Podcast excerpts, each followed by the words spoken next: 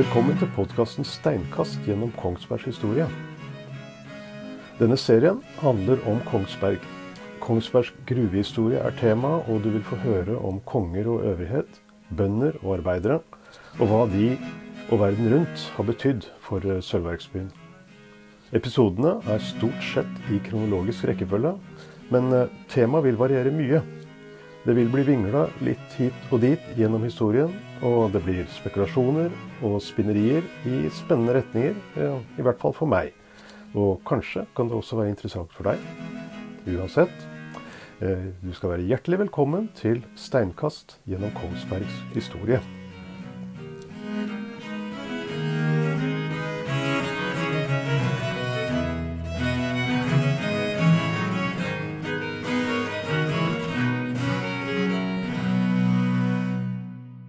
Episode 7 Kristian 4., del 2 1624 Året før ble det funnet sølv i området nord i Sandsvær, og allerede nå så var det etablert et sølvverk der. Kristian 4. var på høyden. Etter oppgjøret med svenskene et drøyt tiår før, så hadde det vært fred i Norden, og tida etterpå hadde vært en lang oppgangstid for Danmark-Norge. Handel og handelsvirksomhet økte. Trelast og fiskeeksport fra Norge ga gode inntekter til kongen. Og Øresundtollen, en toll på varer fra landene rundt Østersjøen som ble frakta gjennom Øresund til landene vest i Europa, ga et solid bidrag til kongens og statens finanser. De kongelige skattkistene fylte seg godt opp. Kong Kristian var en aktiv monark som støtta mange nye tiltak, både små og store, og han brukte de gode økonomiske tidene godt. Han delte ut handelsmonopol til byer, grunnla handelskompanier som skulle selge og kjøpe med de nye koloniene i Amerika og Asia. Han jobba hardt for at kongerikene skulle styrke seg og bli en viktig stormakt i Europa. Og sånn så det ut til å bli også. Sølvfunnet i Sandsvær var i denne sammenhengen bare én av flere ting som gjorde at kongen, og dermed staten, ble rikere og rikere. Sølvet var mer et bevis på at Kristian ikke bare var dyktig og energisk, men også velsigna av Gud blant de andre monarkene på jorda.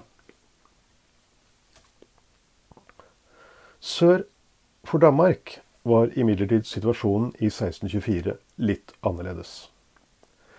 Seks år før dette så hadde det brutt ut en krig på kontinentet, som nå trua med å spre seg, og den involverte stadig flere land og områder. Krigen er i ettertida kjent som 30-årskrigen, og var en av de første, eh, om ikke den aller første, store europeiske konflikten. På en måte så kan vi kalle denne og alle krigene etterpå for verdenskriger, eh, like mye som vi kan kalle konfliktene på 1900-tallet for det. Alle krigene foregikk hovedsakelig på det europeiske kontinentet, og det var konflikter mellom europeiske stater. Sett på den måten så var det egentlig bare den andre verdenskrigen som var en ekte verdenskrig, siden den foregikk over hele kloden. Fram til og med første verdenskrig var det Europa som var hovedkonfliktområdet. Så med et litt annet blikk så kan vi kalle 30-årskrigen for den første europakrig. Uansett. 30-årskrigen har mange og kompliserte årsaker. Og for å redegjøre for hele bakteppet og eh, krigen i seg sjøl, så trengs en egen podkastserie med mange episoder. Det som følger her, er en kort og overfladisk gjennomgang. Det er mye det ikke er plass til, men eh, her er i hvert fall noen av hovedtrekkene. To hovedgrunner til 30-årskrigen var fyrster og konger sin kamp om innflytelse og kontroll over det europeiske kontinentet, og Martin Luthers reformasjon av den katolske kirka. På 1600-tallet så Europa helt annerledes ut enn det det gjør i dag. Hele det området som nå er Tyskland, og Østerrike og Tsjekkia og Ungarn, var en del av en løs union som ble kalt for det tysk-romerske keiserriket. Dette riket oppsto på midten av 1000-tallet og eksisterte helt fram til 1806 og Napoleons erobring av Europa. I hele denne tida var riket og det sentrale Europa et lappeteppe av større og mindre stater, fyrstedømmer og selvstendige byer. Området var avgrensa av Danmark i nord, Sveits og Italia i sør, Frankrike og Nederland i vest og Polen og Det osmanske riket i øst og sørøst. I det tysk-romerske keiserriket fantes det konger, grever, erkebiskoper, prinser, rene bystater og enkelte bondestater som alle var med i en løs union som var samla under en felles valgt hersker, den tysk-romerske keiseren. Paven i Roma velsigna keiserne, og det var katolisismen som var keiserrikets religion, sjøl etter at reformasjonen brøt løs på begynnelsen av 1500-tallet. Keiserne ble valgt, og de som valgte tysk-romersk keiser, var et utvalg av sju fyrster i keiserriket. Når valget først hadde blitt gjort, ble keiseren keiser på livstid. De sju fyrstene som kunne stemme under keiservalget, ble kalt for kurfyrster. Ordet kommer fra tysk. Kur betyr valg, og fyrste betyr ja vel, fyrste. Altså rett og slett valgfyrster. Fyrstene herska i de sju mektigste statene i riket. Det var tre geistlige fyrster, eh, dvs. Si tre katolske erkebiskoper som hadde makt og styring i hver sin stat. Og fire verdslige fyrster. Konger, grever, baroner osv. Under keiservalget stemte de sju fyrstene på en kandidat som ble valgt med simpelt flertall. Fram til reformasjonen så var valgene en konkurranse om hvem som kunne skaffe seg mest politisk støtte i det tysk-romerske riket. En effektiv måte å skaffe seg det på var å legge planer som strakte seg over mange generasjoner. Familien var viktig, og strategien gikk ut på å gifte bort sønner og døtre til andre fyrster sine døtre og sønner. Hvis det fantes medlemmer av fyrstefamilien rundt om i mange av fyrstedømmene rundt omkring, så kunne én familie dominere valget, og i neste omgang, med valgt keiser fra samme familie, det tysk-romerske riket, og dermed hele Sentral-Europa. Ekteskap og slektskap var det samme som politisk makt, og veien til mer politisk makt gikk gjennom ekteskap med riktig fyrstesønn eller datter. Hvis dette høres ut som mafiatilstander, så er det helt riktig. Blod var tjukkere enn vann. Mye mer enn det vi er vant til i våre dager. Slik foregikk spillet om makt, men noen familier var bedre til å spille dette spillet enn andre. Og på slutten av 1500-tallet hadde en familie blitt mektigere enn alle de andre. Det var mye å tenke på når det skulle velges en keiser. En keiser som var for sterk, kunne være uheldig for familiens egen makt og innflytelse. Innblanding fra keiseren i indre anliggender kunne ikke være for sterk. Men så var det også sånn at keiseren heller ikke kunne være for svak. For da kunne plutselig en av de andre fyrstene eller familiene bli for sterke og dominerende, og da ble det vanskelig å ha med dem å gjøre. Det var viktig å finne en balanse. For å få til det var det aller beste å for det første finne en kandidat fra egen familie. Da var innflytelsen over keiseren allerede sikra, som sagt, blod og vann osv. Og, så og siden han var tjukke slekta, så var han sterk. Og siden familien støtta hverandre Og samtidig så var han svak, for slekta kunne styre keiseren. Keiserens tanter, onkler, bestefedre, fettere og tremenninger fortalte keiseren nøyaktig hvordan de ville ha det. Og de blei hørt, i mye høyere grad enn en eller annen tilfeldig fyrste fra en eller annen tilfeldig slekt ville gjort. Tross alt. Familien var eneste grunnen til at keiseren var keiser, så oppfør deg ordentlig. Ellers kan tante bli sinna, og da vet du hva som skjer. På begynnelsen av 1600-tallet så var det familien Habsburg som hadde gifta, manøvrert og intrigert seg til en nesten fullstendig dominerende plass i Europa. Familien Habsburg hadde røtter tilbake til 1100-tallet, og siden den tida hadde de sakte, men sikkert bygd seg opp til Europas mest dominerende familie.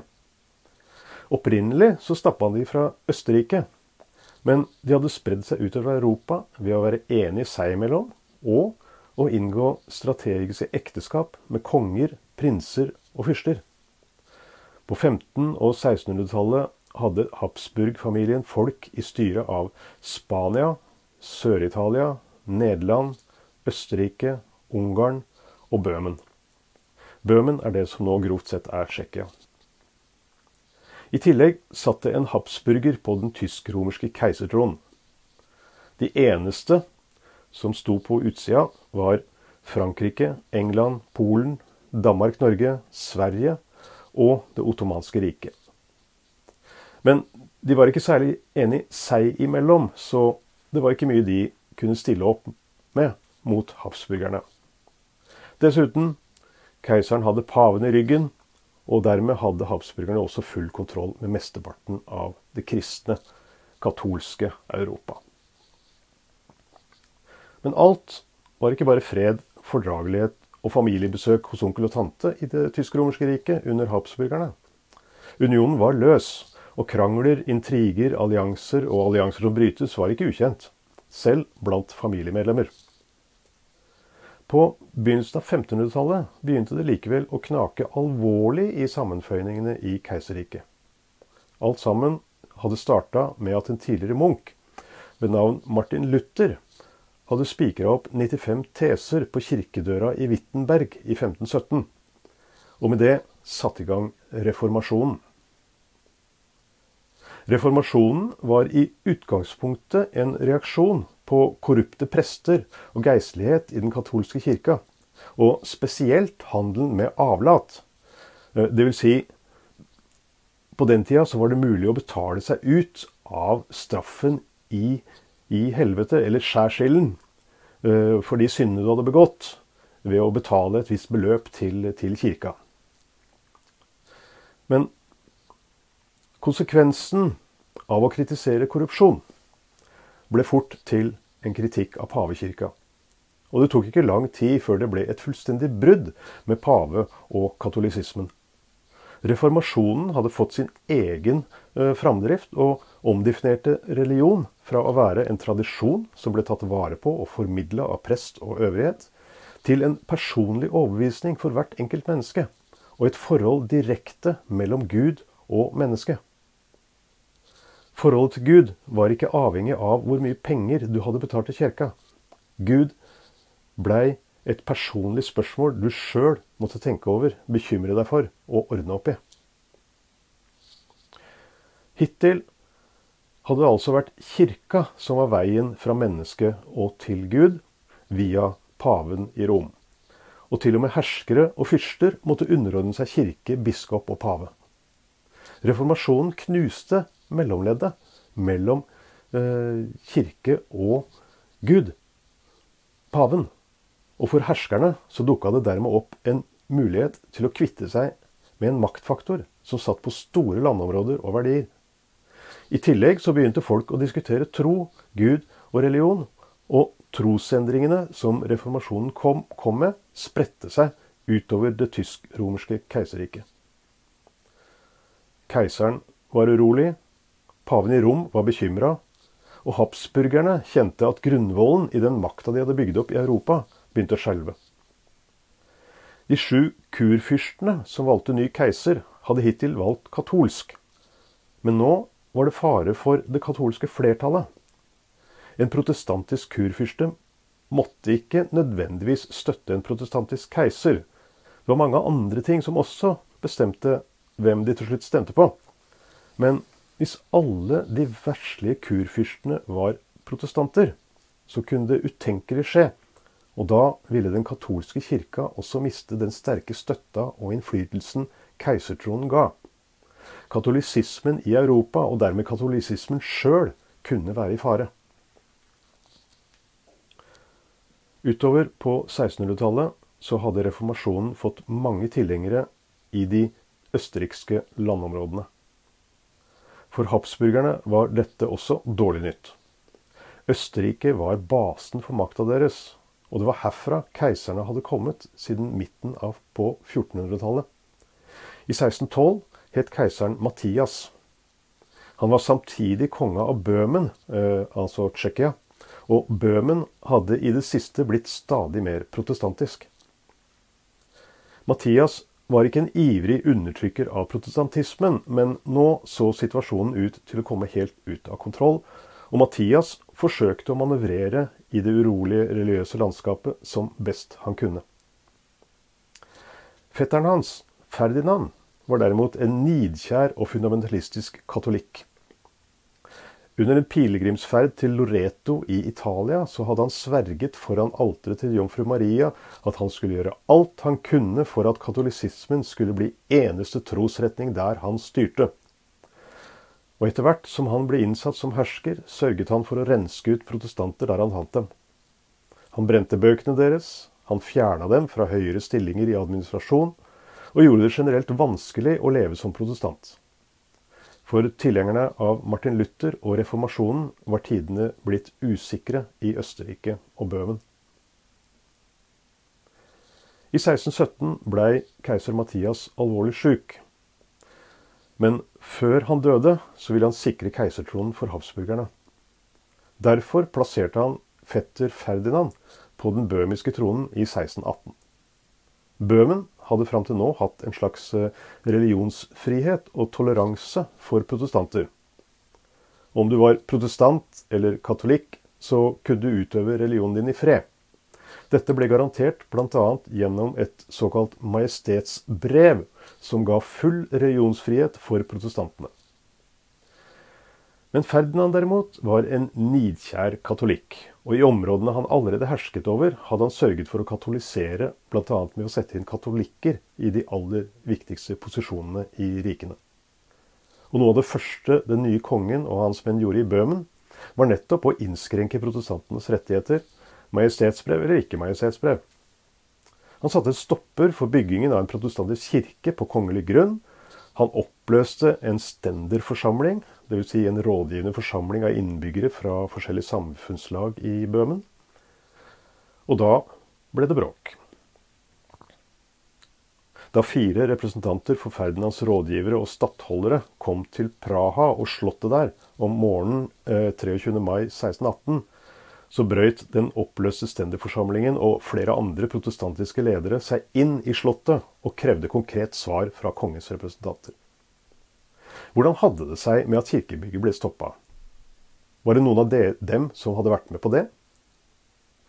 Ferdinands representanter prøvde å dra ut tida og sa at eh, ja, de kunne ikke svare her og nå. Eh, de måtte snakke med sine overordnede, og kanskje var det greit om de kunne fått svar neste fredag, f.eks.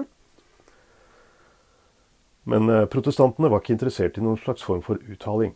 De skulle ha svar, og de skulle ha svar her og nå. Hvis det ikke skjedde, ble det verst for kongens menn. Krangelen fortsatte, og etter hvert så tilsto to av de fire representantene for kongen at de hadde vært på kongens side i den nye politikken. De to andre fikk beskjed om å dra hjem, mens de to som hadde tilstått, de ble grepet og kastet ut av et vindu i slottet. 21 meter under vinduet så landa de i en gjødseldynge og trilla nedover en bakke. og som ved et mirakel overlevde de begge to. De kom seg i sikkerhet og flykta unna den protestantiske mobben. Dette var startskuddet for et protestantisk opprør i Bøhmen. Urolighetene spredte seg ut til hele kongeriket og over grensa til Østerrike. De første slagene i det som kom til å bli 30-årskrigen, ble utkjempa kort tid etterpå.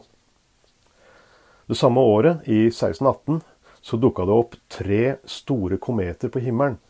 Den ene etter den andre. Og det ble også tolka som et særdeles urovekkende tegn, noe som tyda på at det ville komme urolige og vanskelige tider i åra framover. De bøhmiske protestantene hadde framgang til å begynne med, men i Wien og Spania begynte habsburgerne å samle midler og styrker for å slå tilbake. Dette var opprørerne fullstendig klar over, og de visste også at hvis de skulle kunne lykkes med å holde habsburgerne og katolikkene unna, så måtte de få med seg andre protestantiske fyrster i Europa. Og for å få det til, så tok de kongekronen fra Ferdinand og ga den til en Fredrik av Falz, en protestant fra et annet protestantisk område i keiserriket. I tillegg til at han var protestant, så var han nemlig gift med datteren til den engelske kong Jakob den. En eh, dame som het Elisabeth Stuart. Fredrik var også i slekt med mange andre av de fremtredende protestantiske herskerne i Europa. Og familien hans var inngifta med enda flere, bl.a. halvsøsteren til Gustav 2. Adolf, svenskekongen. Med Fredrik på bømertronen så mente protestantene at de ville ha små problemer med å få støtte i kampen mot habsburgerne og katolisismen. Men enkelt ville det ikke bli. Habsburgerne hadde store ressurser og vide landområder. Det viser alle. Og sjøl om det er mye du kan gjøre for slekt og familie og naboer, så var det å gå inn i noe som så ut til å bli en europeisk storkrig, for risikabelt. For de andre kongene og fyrstene så var det akkurat for øyeblikket bedre å holde seg helt i ro og ikke yppe til bråk. Og Det viser seg at sånn tenkte de fleste protestantiske fyrstene i hele keiserriket.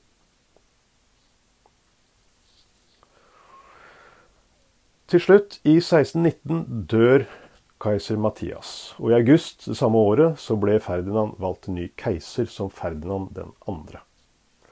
Protestantenes verste mareritt var nå blitt virkelighet. Og noe av det første Ferdinand gjorde, var å mobilisere. Og etter å ha slått flere mindre styrker, møttes Bøhmens protestanter og Ferdinands katolikker til et slag 8.11.1620. I spissen for katolikkene sto Ferdinands nye general, grev Johan Serclaes, og katolikkene seiret overbevisende. De bømisk-protestantiske styrkene ble fullstendig slått, og de som ikke ble drept i slaget, ble jagd eller tatt til fange. Da nyheten om slaget nådde Praha og uh, den nye kongen, kongen, Fredrik, så hadde han ikke vært noe annet valg enn å flykte. En eneste vinter hadde han vært konge av Bøhmen, og dermed er han også kjent som vinterkongen. I 1621 hadde katolikkene og keiser Ferdinand den annen seiret og gjenopprettet orden i Bøhmen, og var i ferd med å slå ned det som var igjen av uroligheter i keiserriket. Alt gikk riktig vei for habsburgerne, så den spanske grenen av familien fant ut at eh, de kunne jo kanskje utnytte situasjonen og gjøre opp en gang for alle med Nederland.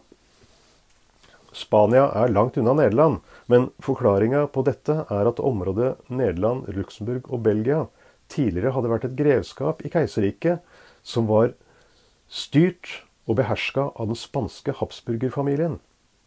Men også her hadde reformasjonen brutt ut. Og etter et forsøk fra spanskekongen på å renske ut protestanter, så ble det opprør i nord. I 1588 så etablerte protestantene Den forente nederlandske republikken, og i 1598 så ble denne anerkjent av England og Frankrike. Og sjøl om habsburgerne beholdt kontrollen over de sørlige delene, dvs. Si nåværende Belgia og Luxembourg, så var det et stort prestisjenederlag, og konflikten mellom Spania og Nederland fortsatte. Endelig, i 1609, så ble det inngått en våpenhvile mellom spanske habsburgere og den nederlandske republikken. Våpenhvilen skulle gjelde i tolv år, helt fram til 1621. Når det året opprant, så var keisertronen trygt hos habsburgerne, og oppsetsige protestanter var nøytralisert både her og der. Og i den situasjonen så mente den spanske kong Philip og rådgiverne hans at tida var inne for å ordne opp og få Nederland tilbake til de spanske områdene igjen. Habsburgerne var i støtet, og alt gikk deres vei for tida.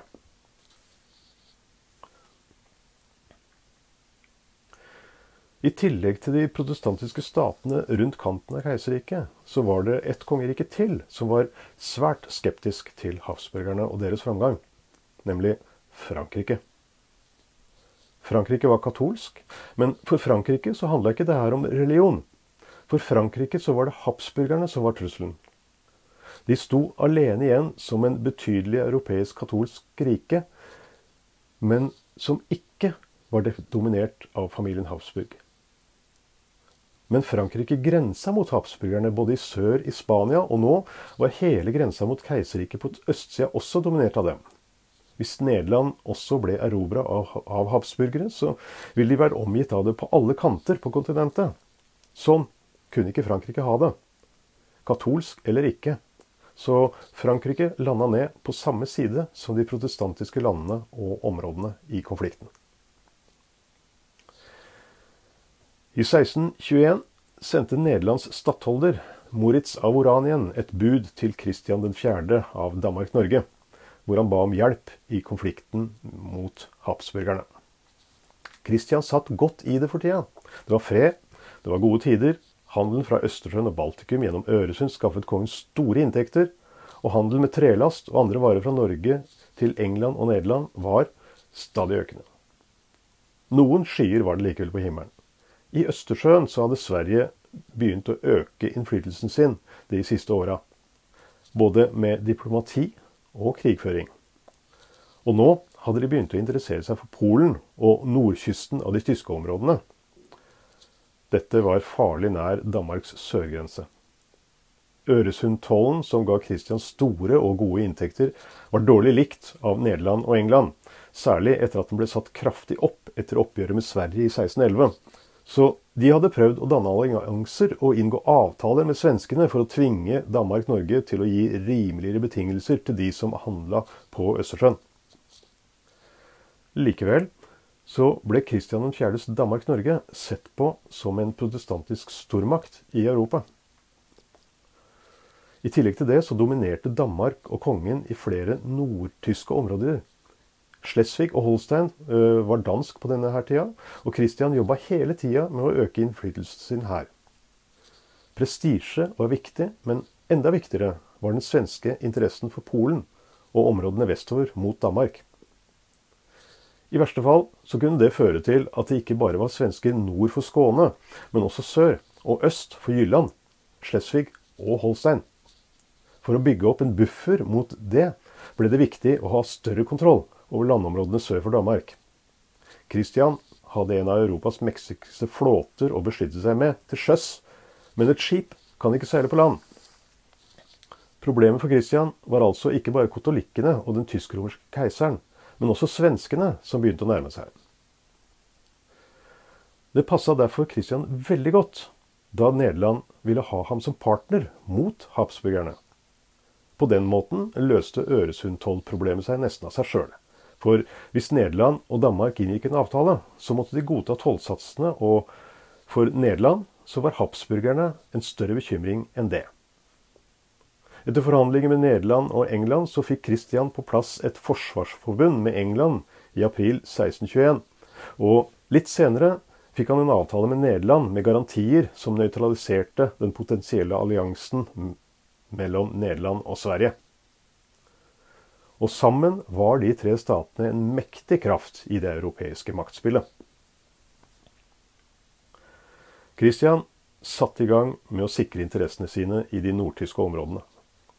I 1621 gikk Hamburg med på dansk overhøyhet, og Christians sønn Fredrik ble medadministrator av Lübeck, Bremen og Verden. Da kontrollerte kongen elven, elvene Elbe og Weser, og Danmark-Norge hadde en sterk buffer mot sør hvis noe eller noen skulle true fra den kanten. Verving av soldater ble satt i gang, slik at hæren skulle være sterk nok til å avskrekke og eventuelt ordne opp i eventuelle uroligheter. Hjemme i København var riksrådet i harnisk. All denne forberedelsen til krig som Christian holdt på med, var et klart brudd med all tidligere politikk. Riksrådet hadde vært mot krigen mot Sverige i 1611, og nå ønsket de å holde en lav profil, unngå militær innblanding i Tyskland og helst være venner med begge parter i en mulig konflikt. Og absolutt ikke blande sammen religion og politikk. Riksrådet mente at krig var risikabelt og ikke minst dyrt. Opprusting og soldater kostet penger. Og selv om både staten og kongen hadde gode inntekter, og det var gode økonomiske tider, så var rådet sterkt imot at det skulle bevilges eller vedtas ekstraskatter for å finansiere militære eventyr. De nektet konsekvent å bevilge penger til opprustning, og de trenerte alle beslutninger for å prøve å dra ut tida og på den måten kanskje stoppe den energiske og ivrige kongen. Kristian brydde seg lite om riksrådet og fortsatte med forberedelsene sine.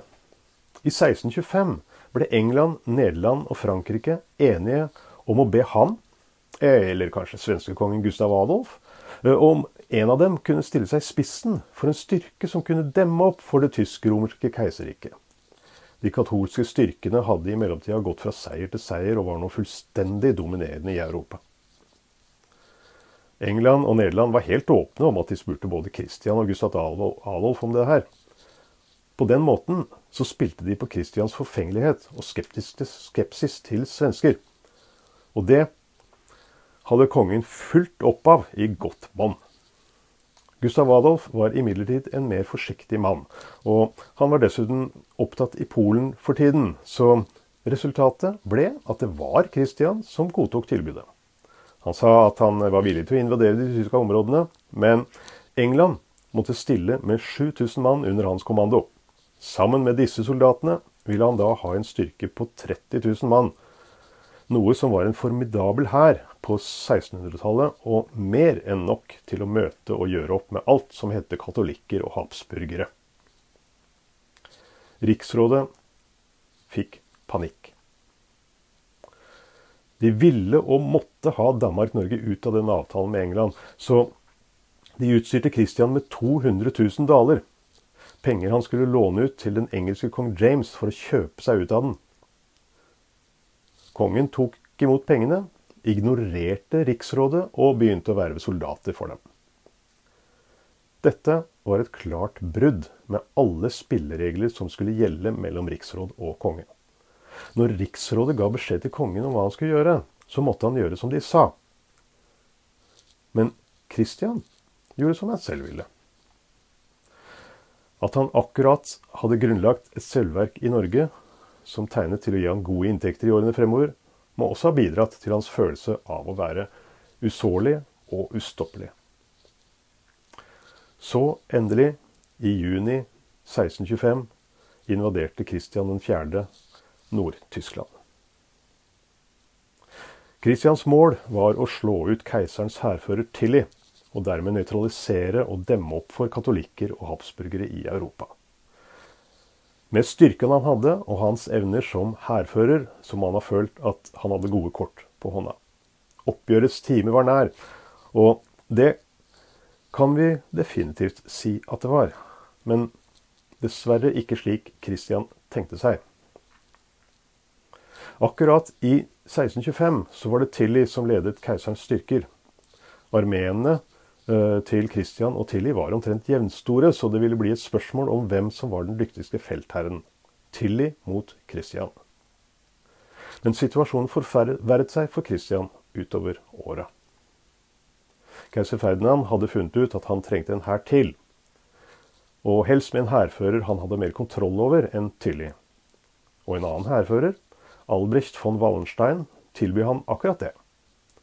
I tillegg sa Albrecht at eh, denne hæren her, den skal ikke koste keiseren en eneste skilling. Han skulle selv betale for soldater og utstyr. Hans plan var å klare dette kunststykket ved at soldatene skulle plyndre områdene de kriget i, og få betaling på den måten. Keiser Ferdinand godtok dette, og på kort tid hadde Wallenstein klart å samle en hær på 24 000 mann, og starta med marsjen nordover. For Kristian var to hærer, som hver for seg var på størrelse med hans egen, ikke godt nytt. Likevel. Hvis han bare kunne nøytralisere Tilly først, så kunne han i ro og mak ordne opp med Wallenstein etterpå. Det kunne gå bra hvis han bare handlet raskt, men så slo tilfeldighetene til. Tingenes iboende djevelskap, eller kanskje skjebnen. Christian og hæren hans lå utenfor byen Hameln. På den andre siden av elva Weser lå Tilly med sine styrker, og begge hærene forberedte seg til slaget som skulle komme. Christian red rundt og inspiserte styrker og forsvarsverker i området da han krysset over en syv meter dypt grav som var dekket av dårlige planker. Plankene knakk, og hest og rytter falt sammen ned i grava. Hesten brakk nakken momentant og døde, mens kongen slo seg bevisstløs. I all hast fikk mennene hans heis han opp, og så ble han transportert vekk fra området for å få hjelp og behandling. I tre uker var Christian satt ut av spill. Hæren han hadde samlet sammen, begynte å gå i oppløsning. Det fantes ikke noen andre som kunne ta over ledelsen. Riksrådet så nå sin sjanse og satte inn enda mer press for å få slutt på det militære eventyret, mens Tilly sendte beskjed til fyrstene på den andre siden, som hadde sluttet seg til Kristian, om at de måtte oppløse styrkene øyeblikkelig og reise hjem, ellers så skulle han sørge for å oppløse dem for dem. Da Kristian endelig var i stand til å ta kommandoen over hæren igjen, var sjansen til et oppgjør med Tilly i 1625 borte. Små trefninger som ikke avgjorde noe som helst, ledet bare fram til en våpenhvile som ble inngått seint på høsten det året. Vinteren ble brukt av begge sider til å skaffe flere forsyninger og soldater, men da våren kom og våpenhvilen tok slutt, så var resultatet at mens Kristians nye soldater var få og uerfarne, så var situasjonen akkurat motsatt for Tilly. I tillegg var Wallenstein på vei med sin ær og begynte å nærme seg. Christian hadde ikke noe annet valg enn å trekke seg tilbake. Tilly fylte tett etter, men ved Luther i Nedre Saksen var det slutt på retretten for danskene. Tilly var så nær at Christian måtte stille opp til slag for ikke å bli angrepet på veien uten å kunne forsvare seg. I tall var de to hærene omtrent like store, og selv om soldatene til Christian ikke var så erfarne som Tillys, så visste Christian å velge slagsted. Terrenget var i danskenes favør. I begynnelsen av slaget gikk det bra for Kristian. Men dessverre viste det seg at Tilly tross alt var en bedre hærfører, og at erfaring telte, og at han hadde hellet med seg i slaget. De danske styrkene ble grundig slått. Kristian måtte rømme unna sammen med en liten rytteravdeling. Han trakk seg tilbake med det som var igjen av hæren. Eventyret var i praksis over. Nå måtte han forberede seg på å forsvare Holstein og kanskje til og med Danmark. Danmark-Norge var ikke formelt en del av krigen.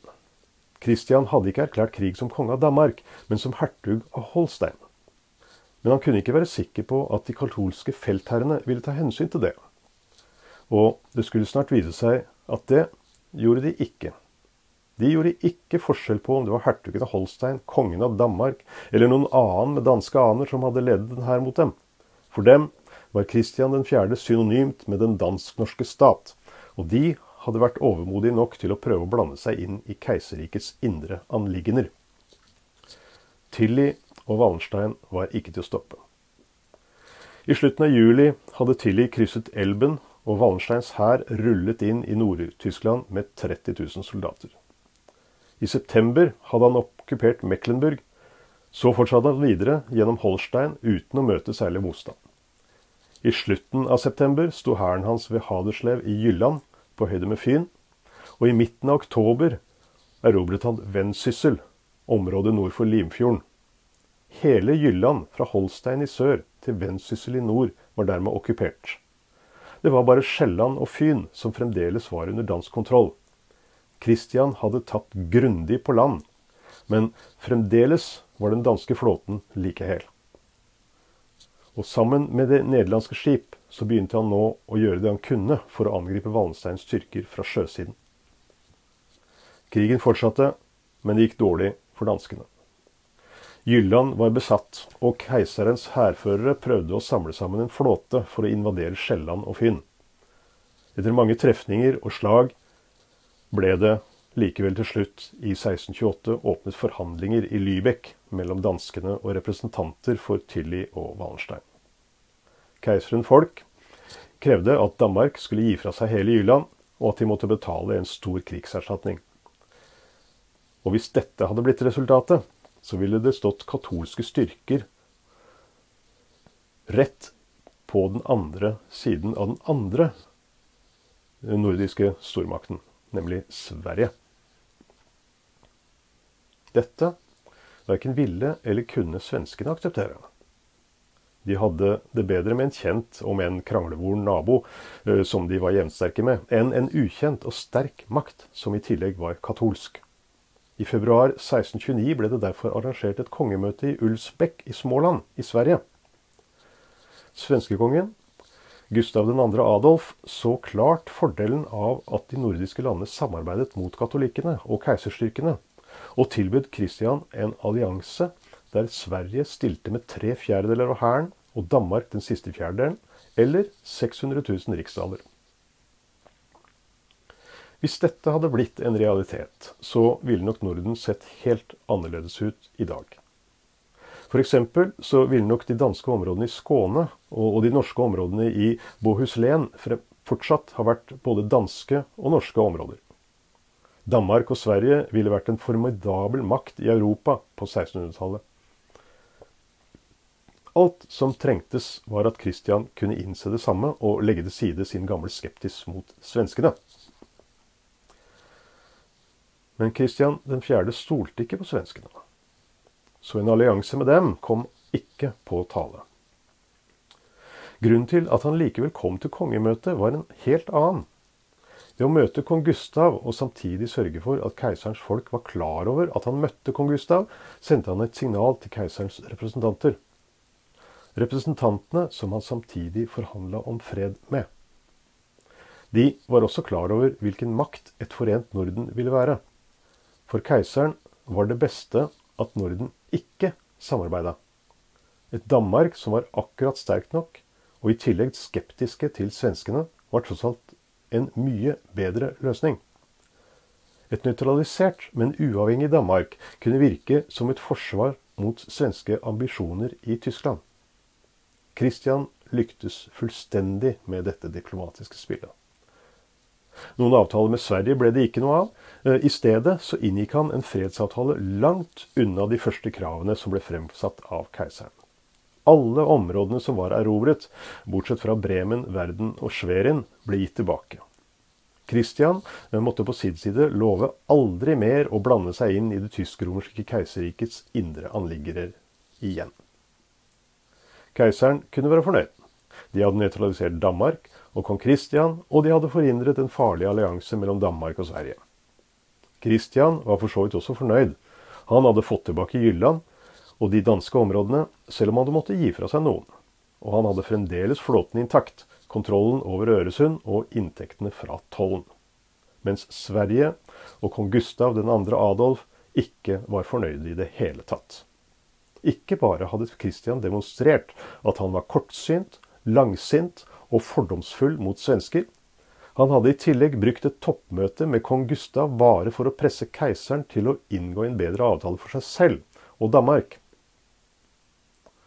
Konklusjonen var klar. Sverige kunne ikke stole på verken dansker generelt eller Kristian 4. spesielt. Gustav 2.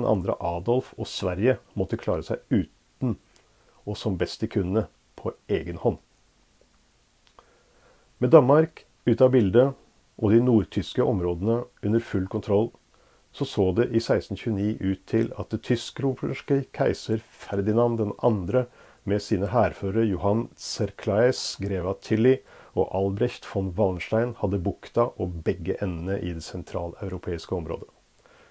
Keiseren var mektigere enn han hadde vært noensinne. Motstanderne var nøytralisert. Men krigen skulle vare enda i 19 år til. Det var ikke alle som var enig om at situasjonen i Europa var avklart. I Sverige og Frankrike, ble det mer og mer klart at habsburgerne måtte nøytraliseres på en eller annen måte. Resten av historien om 30-årskrigen er lang og innfløkt, men dette her får være nok for denne gangen. Jeg kommer tilbake til den senere, men i neste episode så går turen tilbake til Norge og Konningsbjerg og de første årene sølvverket er i drift. Takk for at du hørte på denne episoden. Hvis dette er den første episoden du har hørt av denne podkasten, så finnes det seks tidligere episoder tilgjengelig, og nye episoder kommer med ujevne mellomrom.